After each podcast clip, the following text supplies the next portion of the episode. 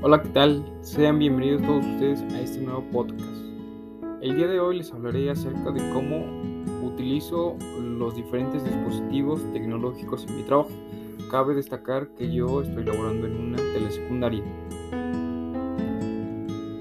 Para comenzar la clase y para activar los conocimientos previos de mis educandos, proyecto algún video de la red que está dentro del objetivo de la clase en la TV, manipulándolo desde mi lab o desde mi teléfono celular.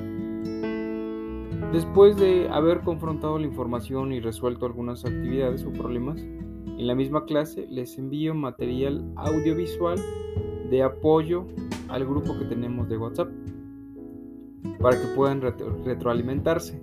Asimismo también les envío información para que ellos lo socialicen previo a las actividades dentro del salón de la próxima clase.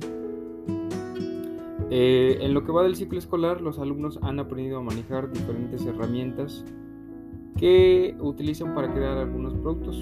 Eh, cuando los alumnos no pueden llevar sus teléfonos celulares, me envían su trabajo estando en su casa eh, para que en la clase que ellas, ellos tengan que exponer pues puedan utilizar la TV, la lab o algún este, teléfono celular eh, que sea previsto para que lo utilicen.